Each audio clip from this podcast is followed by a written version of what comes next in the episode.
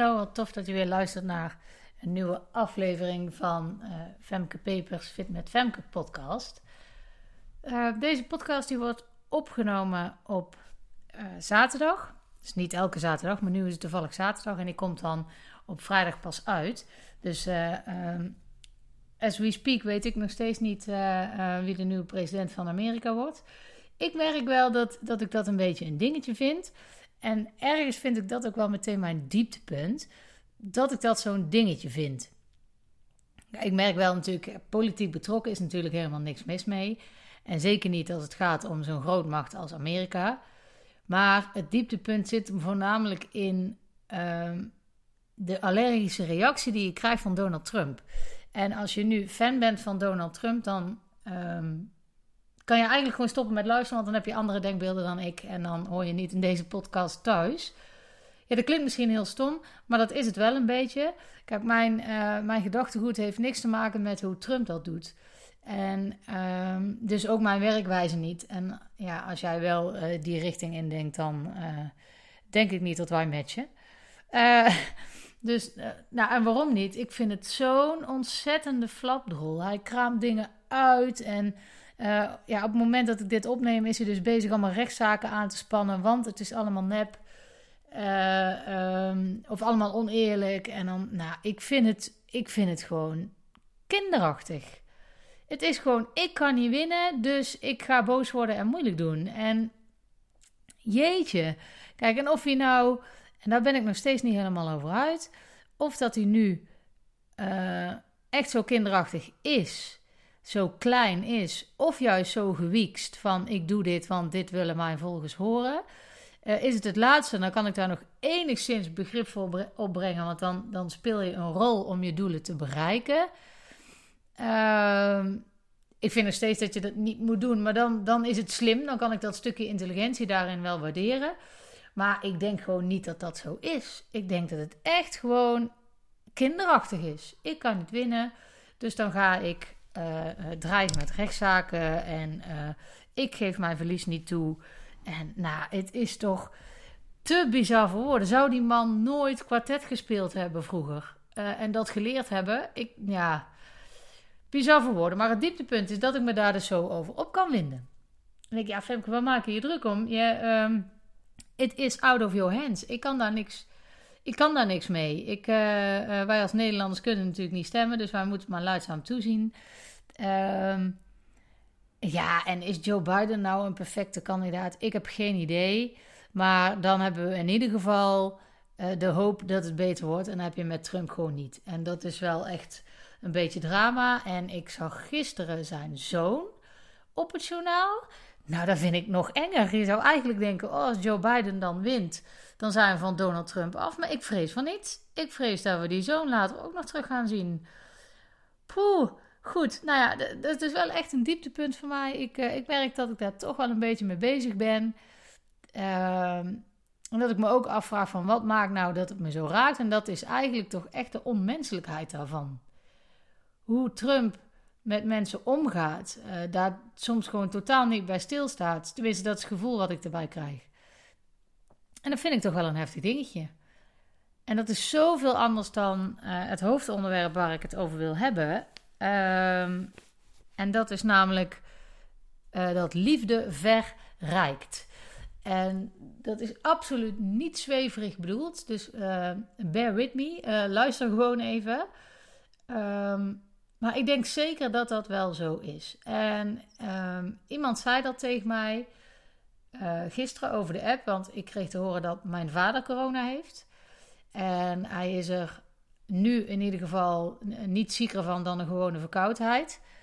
Uh, dus laten we hopen dat het zo blijft. Want dat is natuurlijk wel een beetje spannend. Uh, hij is 72 en zit daarmee in de risicogroep. Hij is in principe verder gezond. Jaren geleden al gestopt met roken. Wat nu natuurlijk erg fijn is dat hij dat gedaan heeft.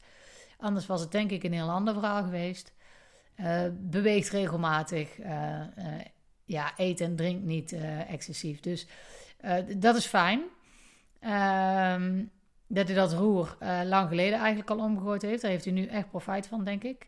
Maar ja, laten we hopen, laten we hopen dat hij niet zieker wordt. Maar dat deelde ik dus gewoon met, uh, met een uh, aantal mensen. En Uh, waaronder toch wel iemand die ik ja, toch wel een vriend ben gaan noemen. Ehm, die zei van nou, beterschap voor je vader. En zei ik dankjewel. En ging over de app en stuurde die erachteraan van...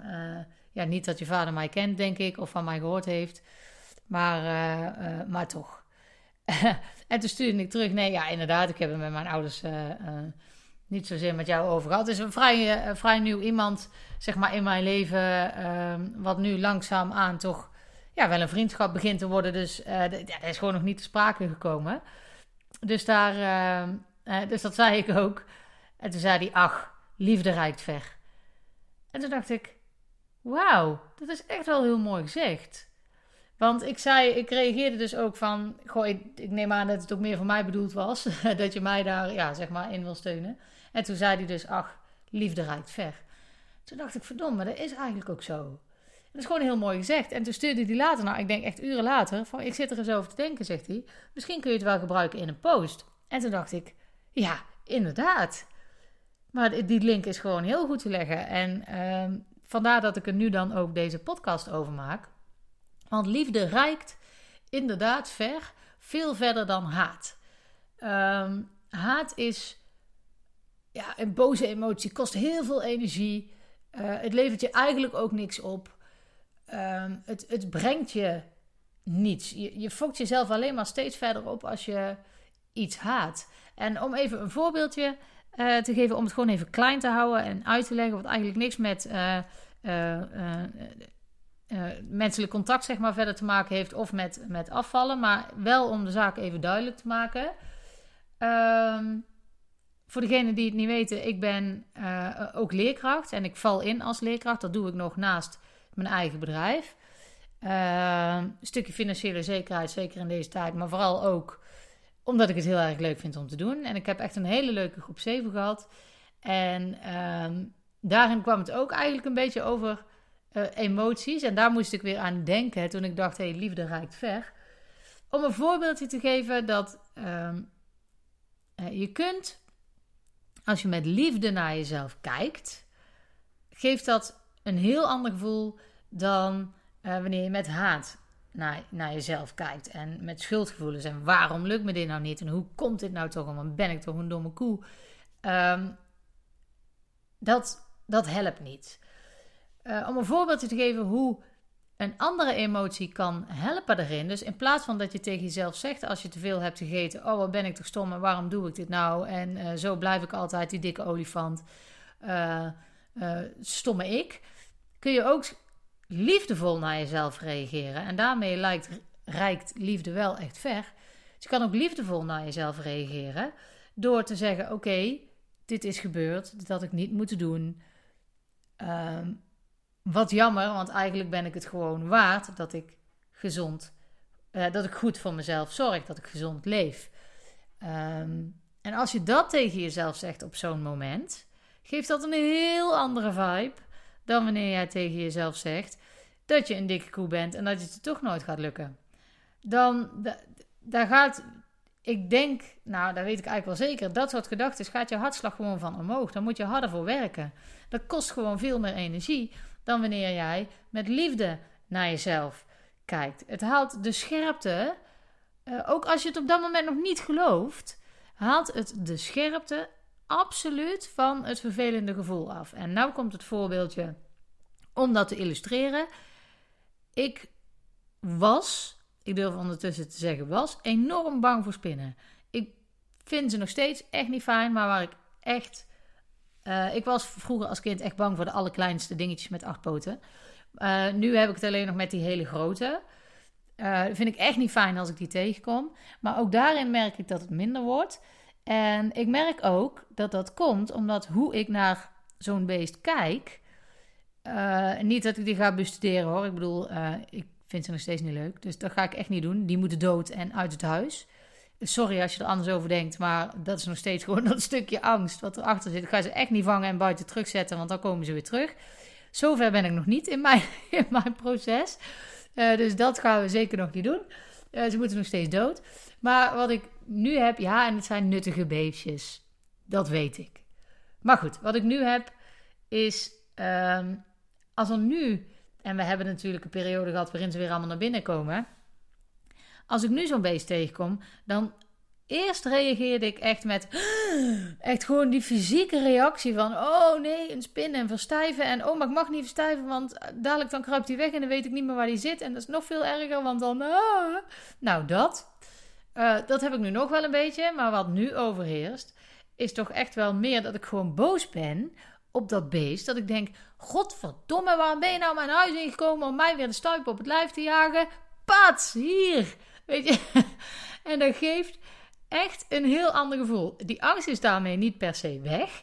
Maar doordat ik daar uh, met boosheid op reageer, of eigenlijk meer zo van: ja, waar wil jij nou in mijn huis komen?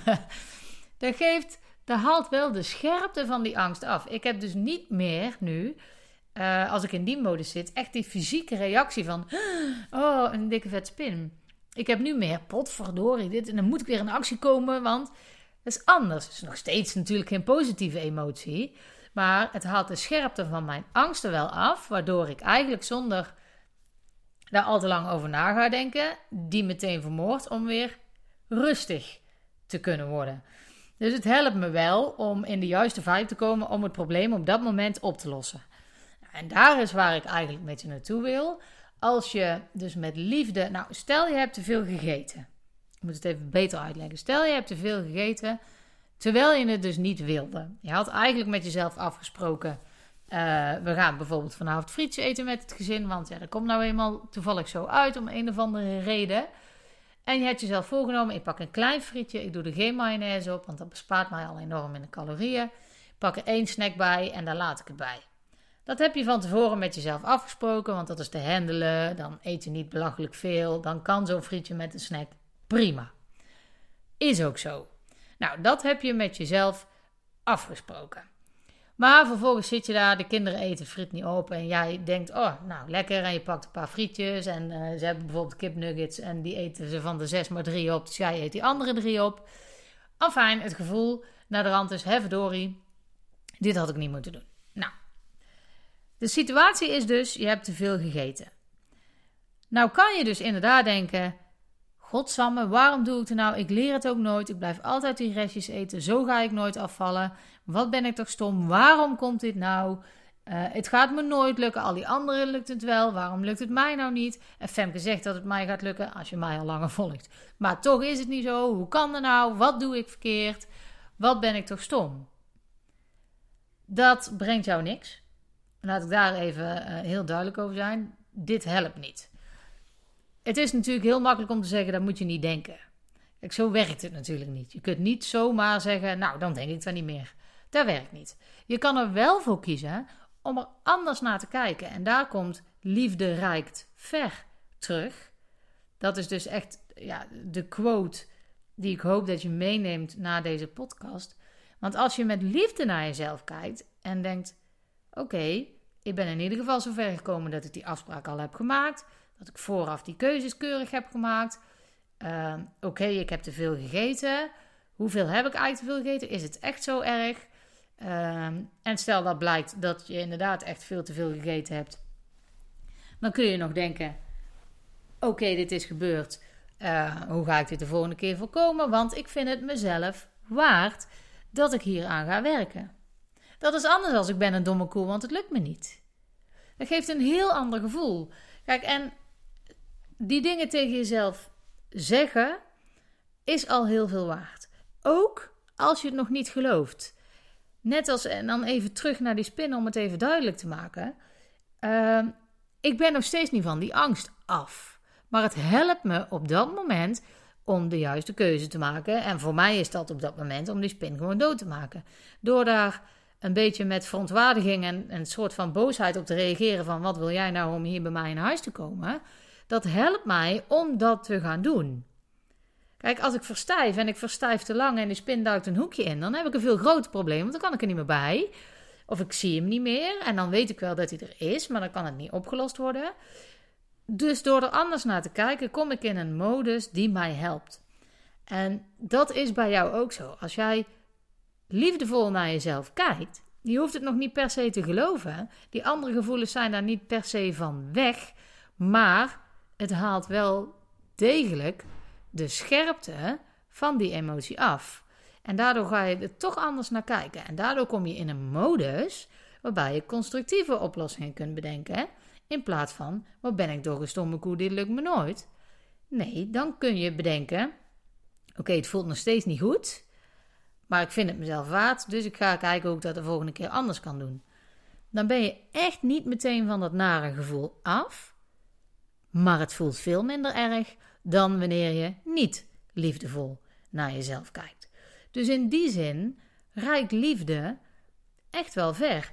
Dus uh, het begint ook sowieso, en dat is natuurlijk niet voor niks, dat ze in de vliegtuigen, die stewardess en die stewards, zeggen: eerst het kapje, het zuurstofkapje bij jezelf opdoen, voordat je het bij een ander opdoet. Want als jij niet goed voor jezelf zorgt, als jij niet genoeg voor jezelf houdt om voor jezelf te zorgen, dan kan je ook niet voor een ander zorgen.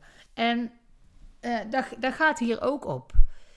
Het is niet alleen dat je dan, uh, als je, om even in dat voorbeeld te blijven, als je dan te veel gegeten hebt en je bent liefdevol naar jezelf wel aan het kijken, dan helpt dat jou niet alleen, maar ook de rest van je gezin.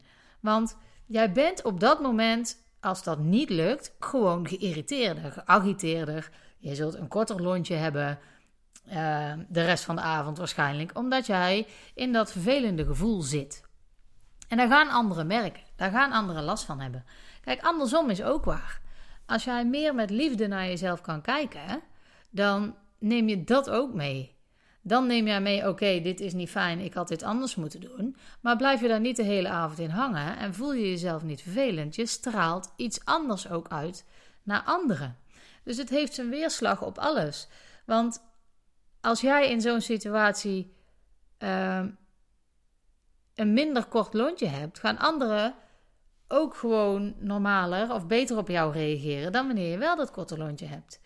Want jij reageert iets korter, de ander reageert iets korter terug en dan blijf je hangen in die emotie. Je neemt dat mee de rest van de avond in dit geval. Dus het is wel degelijk uh, zinvol om met liefde naar jezelf te kijken. Het is zelfs zo, ik heb daar uh, een, een, boek over gelezen. Je kunt je leven helen, geloof ik dat het heet. Ik ik weet even niet van wie het is. Beetje zweverig geschreven. Volgens mij ook Amerikaanse. Dus dan wordt het altijd sowieso wel een beetje meer aangezet, heb ik het idee. Maar uh, dat gaat zelfs zover dat als je positiever kijkt, met liefde naar jezelf kijkt, uh, naar je omgeving, kijkt naar mogelijkheden in plaats van problemen, dat je zelfs uh, ziektes buiten de deur kunt houden of kunt genezen. Ik denk dat dat voor een deel wel degelijk waar is. Ik weet niet of als jij echt kanker hebt, flinke kanker, uitgezaaide kanker, dat je dat met liefde kunt genezen. Dat denk ik niet. Ja, zij geeft in het boek volgens mij, volgens mij was het een schrijfster. Zij geeft in dat boek wel voorbeelden van dat het zo is. Ik geloof dan meer in dat het een samenkomst van dingen is. Ik denk wel degelijk dat het helpt als jij daar positief in staat. Want dat geeft uh, een beter oplossend gevoel. En uh, kanker zijn eigenlijk kwade cellen. Dus als jij die met liefde gaat benaderen, worden ze in ieder geval minder kwaad. En die klinkt nu een beetje zweverig, maar ik denk dat daar wel een kern van waarheid in zit. Ik wil niet zeggen dat als je met liefde naar jezelf gaat kijken, dat dan al je problemen opgelost worden en dat je nooit ziek wil worden, uh, kunt worden, of altijd, als dat toch zo is, gaat genezen. Dat denk ik niet dat dat waar is. Maar ik denk wel degelijk dat dat uh, verband houdt met elkaar. En dat het misschien iets draaglijker maakt of ik denk wel dat daar iets in zit. En dat komt allemaal doordat je met liefde naar jezelf kijkt, doordat je het jezelf waard vindt. Ik denk ook dat het daar allemaal wel mee begint. Dus liefde reikt in die zin echt wel ver. Zelfliefde, maar ook liefde die je uh, geeft aan een ander, die krijg je terug.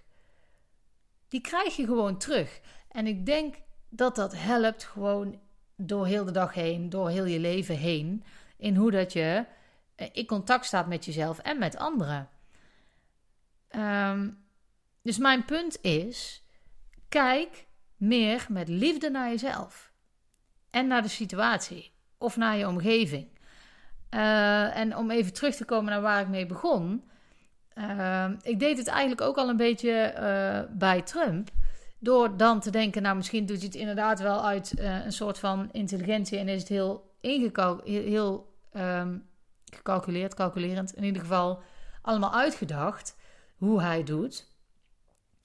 Uh, dan maakt het voor mij wel iets behapbaarder. Uh, dat haalt voor mij een beetje de, de boosheid, want ik kan me er echt wel soms kwaad over maken als ik dan zie wat hij allemaal zegt. Haalt dat er wel van af. Dan is het nog steeds een flapdrol. Maar dan, ja, dan maakt het voor mij behapbaarder.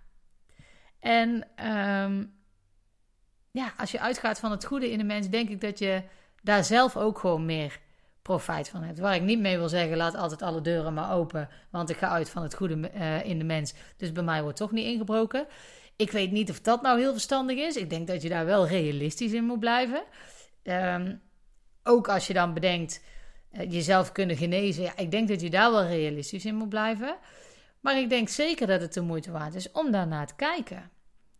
In, in hoeverre je uh, dingen met liefde benadert, met positiviteit benadert, uitgaat van het goede van een situatie. Ik denk zeker dat dat helpt. Door de dag heen, door je leven heen. Dus ik hoop dat dat is wat je daarin meeneemt. Dus ik sluit af met dat nog een keer te zeggen. En uh, ik sluit normaal gesproken ook altijd af met: Ik hoop dat het goed met je gaat. Dat is een beetje in diezelfde lijn. Dat hoop ik nu ook. En onthoud: liefde reikt ver. Tot de volgende.